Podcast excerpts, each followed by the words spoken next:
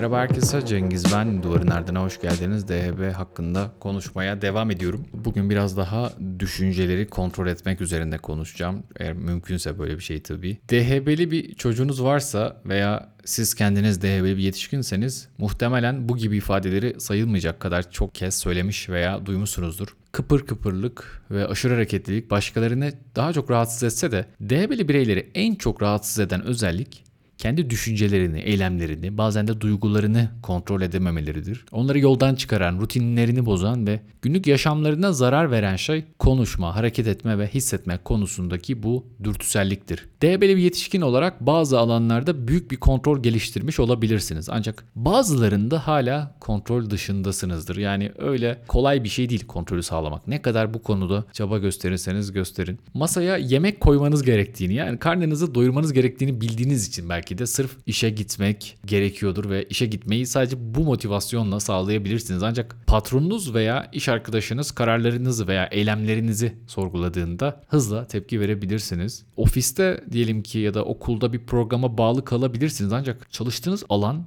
baştan sona dağınık olabilir. Ya da fatura ödeme takviminiz o kadar düzensizdir ki bazı faturaları iki kez ödersiniz ya da ikinci kez ödemeye çalışırsınız. Hani iki kez ödenen faturalar oluyor Türkiye'de. Motorlu taşıtlar vergisi gibi bu bir hata değil. Bu bir e, başka bir şey yani onu söylemek çok kolay değil aslında. Ama bazen de faturaların son ödeme tarihlerini geçirirsiniz. Faiziyle ödersiniz. İnsan DHB olunca hani hep bir şeyleri unuttum, bir şeyi işte yarım bıraktım, eksik bıraktım diye bazı şeyleri daha fazla yapıyor. Neredeyse obsesif bir nitelik de getiriyor. O DHB'de kompanse etme çabası. Şunu da unutturum ben kesin. Bunu da atlamışımdır diye diye bazı şeyleri 2-3 defa yaptığı da oluyor DHB'li bireylerin. DHB'li çocukların günlük faaliyetlerine bir düzen getirmek, davranışlarını kontrol etmelerine yardımcı olmanın etkili bir yoludur. Ancak ebeveynler ve öğretmenler bunu yapmak için özenle çalışsalar bile çocukların kendilerinin bir öz denetim geliştirmelerini dilerler. Yani siz ne kadar çocuğa bir yolla gösterseniz, ona bir program da yapsanız her seferinde bunu kendi başına yapabilmesi için bu yardım ona yaparsınız. Yani çocuk bir gün kendisi öğrenecek neyi nasıl yapması gerektiğini ve siz de o zaman rahatlayacaksınız. Bütün bu çileniz bitecek ama çoğu zaman öyle olmayabiliyor. Peki diyelim ki çocuğunuz var ya da siz kendiniz öz denetim geliştirmeye çalışıyorsunuz. Bunun için ne yapmalısınız? Şimdi bu soruları yanıtlamak için önce DHB'li kişilerin neden düşüncelerini ve dürtülerini kontrol etmekte zorlandıklarına birlikte bir bakalım. Yani neden DHB'li kişiler öz denetim konusunda diğer insanlara göre daha fazla sorun yaşarlar? Şimdi DHB basit bir sorun olmadığı için bu sorunun tek ve basit bir cevabı yok. Yani ben de soru sorup başka bir cevap vermeyip içinden başka sorular çıkarıyorum ve belki bu sizi rahatsız ediyor. Takip etmeyi de zorlaştırıyor. Hani keşke bir cevap şu olsa şu desem ve bitse hikaye ama öyle değil. Biz yine de bakalım çeşitli faktörler var. DHB bireyleri Dışarıdan gelen dikkat dağınıklıklarını görmezden gelmekte zorlanırlar. Yani DHB'li bireyler hakkında fark edeceğiniz ilk şeylerden biri çevrelerindeki şeyler tarafından dikkatlerinin ne kadar kolay dağıldığıdır. Sınıfta DHB'li bir öğrenciyi izleyin. Yani eğer öyle bir şansınız varsa ya da hatırlayın. Kendinizi hatırlayın ya da DHB'li bir arkadaşınız varsa onu hatırlayın. Sınıfta birisi hapşurdu diyelim. Yani tamam hani böyle bir sese bir an işte insanlar dönüp bakabilir ama ilk başını kaldıran odur. Hemen bakar. Çok yaşa der. Yani böyle eğer e, şey bir sempatik birisi ise. Ama diğerleri çok da böyle hani hemen dönmezler. Ya da işte birisi böyle boğazını temizledi. Böyle bir falan yaptı. Hemen o ilk kafasını kaldıran kişidir. Ya da masada çalışan DHB'li bir yetişkini gözlemleyin. Eğer pencereyi gören bir yerde oturuyorsa önüne bir kuş uçtuğunu görün masasının önünde ve hemen yaptığı işi yapmak yerine onu otomatik olarak takip ettiğini göreceksiniz. E, bu gerçekten çok otomatik bir şekilde oluyor ve siz orada hani ona da şunu deseniz ya dikkatini ver işte gözünü bilgisayarından ayırma, kağıt hayattan ayırma, aklını işine ver. Pek de işe yaramaz. Çünkü sahiden bütün bu şeyi kontrol etmek kolay değildir. DHB'li bireyler zaten hani dışarıda olup bitenler neyse hani onları kontrol etmek zaten bir zor da kendi düşüncelerini bile kontrol etmekte zorlanırlar. Doktor Russell Barkley şöyle diyor. DHB'nin temel özelliğinin dikkati bozan dürtüleri kontrol edememek olduğunu söylüyor. Yani dikkati kendi başına bozulmuyor. Bu dikkati bozan dürtüler var. Onlar bu dürtüleri kontrol edemiyor. Şimdi bunu göz önüne aldığımızda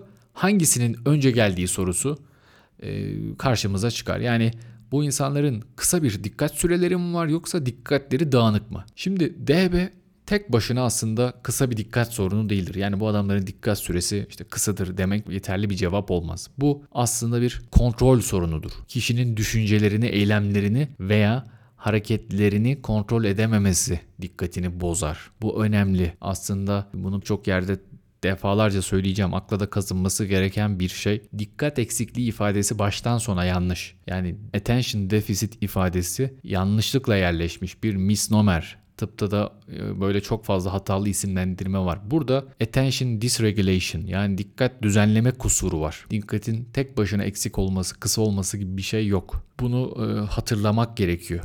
Şimdi ne yazık ki DHB'li gençlerin ve yetişkinlerin dikkati sadece çevredeki şeyler tarafından dağıtılmıyor. Aynı zamanda bir düşünceden diğerine yol açan dürtüleri kontrol etmekte de zorlanıyorlar. Hastalardan bir tanesi şöyle diyordu yani zihnini uzaktan kumandası bozuk bir televizyon seti gibi tanımlıyor. Yani sürekli siz de belki yaşamışsınızdır. Ben hatırlıyorum küçükken bazı kumandalarda işte böyle ileri geri tuşları basılı kalırdı. Sürekli saçmalardı televizyon. Sürekli giderdi, ilerlerdi. Ve e, bazen de böyle kapatma tuşu falan bozulurdu. Kapatamazdınız. Böyle çıldırırdınız yani. Böyle televizyonda sürekli kanal değişen bir şey karşınızda ve bir DHB'nin zihnini buna benzetmek mümkün. Sürekli işte bir kanaldan diğerine, bir fikirden diğer fikre aslında surf yapan hani o işte internette surf yapmak gibi işte sürekli oradan oraya zıplamak ya da işte televizyonda zap yapmak gibi böyle bir zihne sahipseniz yani zaten bütün konsantrasyonunuzu rastgele düşünceler, hisler ve fiziksel duyumlarla sürekli kesintiye uğratırsınız. O an karşınıza ne çıkacağını bilmiyorsunuz. Yani bu sizin zihniniz bile olsa burada aslında bir rastgelelilik var. Bu aslında Heisenberg'in şeyi gibi yani bilinmezlik kaos teorisi gibi rastgeleliği gibi. E, yanlış da söylüyor olabilirim. Böyle bir aklıma geldi. Hani böyle büyük bir cehalet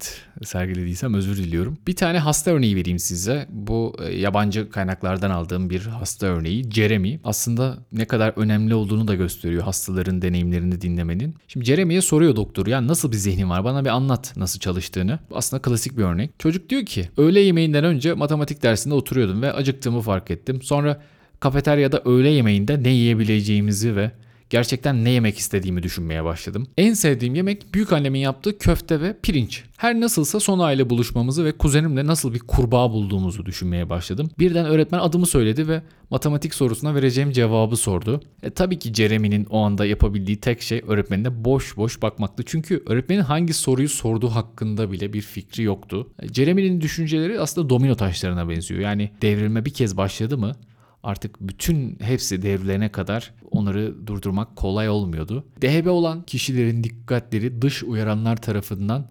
dağıtılmadığında bile odaklanmakta güçlük çekmelerine çok da şaşırmamalı. Düşüncelerimizin yönünü veya hızını kontrol edemiyorsanız birçok durumda eylemlerinizi kontrol etmekte de zorlanmanız muhtemeldir. Şimdi düşüncelerle ilgili aslında bu bilişsel terapide de, bilişsel davranışçı terapide de çokça tartışılan konulardan biridir. Yani bu otomatik düşünceler, ruminatif düşünceler, zihnimize gelen düşünceler üzerine çalışan bir psikoterapi ekolü. Orada da aslında hani bu istenmeyen düşüncelerle ilgili yaklaşımlar var. Biraz onlardan da bahsetmek istiyorum. Yani DHB'deki bu düşüncelerin peşi sıra olmasıyla onlar arasındaki farka da bir dikkat edelim. Şimdi bireyler geçmişte meydana gelmiş Mesela işte sevdiğiniz birinin ölümü ya da gelecekte meydana gelebilecek işinizden ayrılacak olmak ya da sözleşmenizin doluyor olması veya hiçbir zaman gerçekleşmeyecek.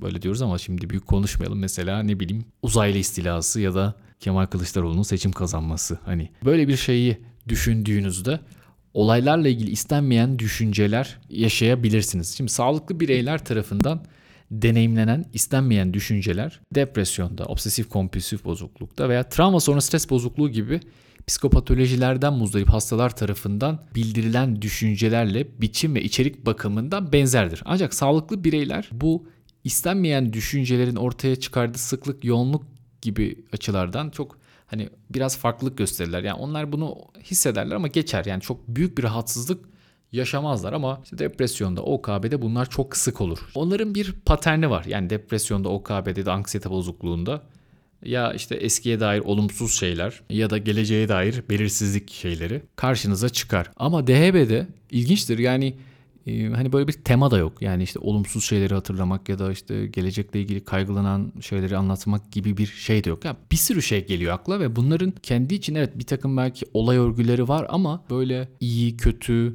kaygılı bir şey yok. Yani öyle bir tema yok. Şimdi bu tür istenmeyen düşünceler üzerinde algılanan kontrol ve bu tür düşünceleri kontrol etme çabalarında harekete geçirilen ilişkili bilişsel ve davranışsal tepkiler repertuarı iyi huylu düşünceleri patolojik hale gelenlerden ayırabiliyor. Bunu aslında biz daha çok işte depresyonda OKB'de yapıyoruz. Yani işte algılanan kontrol, düşünce kontrol yeteneği ve işte düşünce bastırma gibi terimler aslında bu tarz eylemleri tanımlamak için kullandığımız şeylerden birisi. Bunların tabii ki aralarında bir takım böyle kavramsal farklılıklar var. O belki biraz daha kendisi işte bilişsel terapi süreçleriyle ilgili şeyler olabilir. Ama hani yine onları da söyleyelim. Mesela işte algılanan kontrol kişinin tehditlere veya dış olaylara karşı içsel duygusal tepkilerini kontrol etme kapasitesiyle alakalı. Şimdi DHB'de böyle çok tehditle alakalı bir şey olmayabiliyor. Yani bazen aslında tabii ki yani yaşadıkları zorluklar, onları yapamamak, kendilerini tam olarak verememek nedeniyle işlerinden atılacak olmak, sınavdan kalacak olmak gibi şeyler aslında bir miktar böyle belli düşünceleri zihinlerine getiriyor. Yani aşırı ciddi bir DHB'si olan bir bireyin aslında kaygılı birisi olma ihtimali de hiç az değil. Yani bir de üzerine kaygı eklendiğinde kaygıyla beraber ortaya çıkan düşünceler olduğunda zaten aslında o zihin iyice karman çorban oluyor. Mesela burada işte düşünce bastırma ifadesi hani sıkıntı verici düşünceleri bastırmaya yönelik genel bir eğilimi aslında tarif etmek için kullanılıyor. Biraz o e, hani Freud'un bastırması da var ya işte o biraz daha bilinç dışı bastırmadan bahsediyor. Bunu bilinçli bir şekilde yapan, e, yapılabildiğini gösteren çalışmalar da var. Ama çalışmalar şunu söylüyor. Yani bir şeyi düşünceyi bastırmanın hani zararlı etkileri olabileceğini e, söylüyorlar. Bunu beyaz ay etkisi deniyor aslında.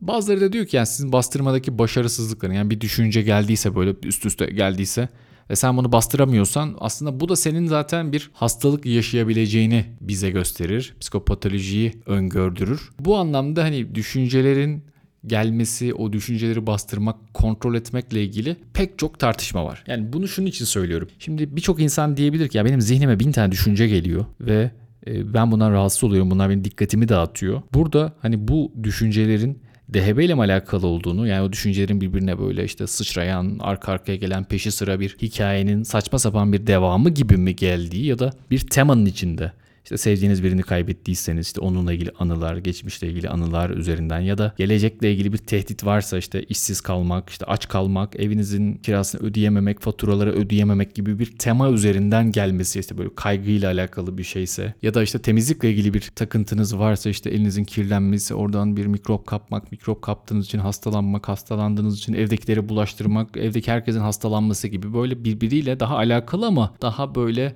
nasıl diyeyim felaketleştirici bir yere giden bir şeyse işte bu daha böyle OKB ile alakalı. Ama DHB'de bütün bunlar olmaz mı? O olabilir. Yani DHB zaten birçok hastalıkla komorbid e, beraber gidebiliyor. Ama kendi başına onun şeyi yani düşüncelerinin böyle arka arkaya gitmesi başka bir anlama geliyor. Burada zaten aslında hani diğer şeyler için de bu düşünceleri bastırmak, kontrol etmekle ilgili tartışmalar var. DHB'de bunu yapmak zaten zor. Hani ben işte düşünce geldi hemen durdurayım demek çok kolay değil.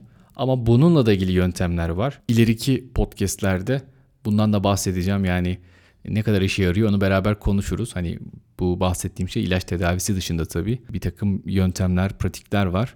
Bunlar üzerine de e, konuşacağım. Umarım keyif alarak dinliyorsunuzdur. Buraya kadar dinlediğiniz için çok teşekkür ederim. Kendinize iyi bakın. Hoşçakalın.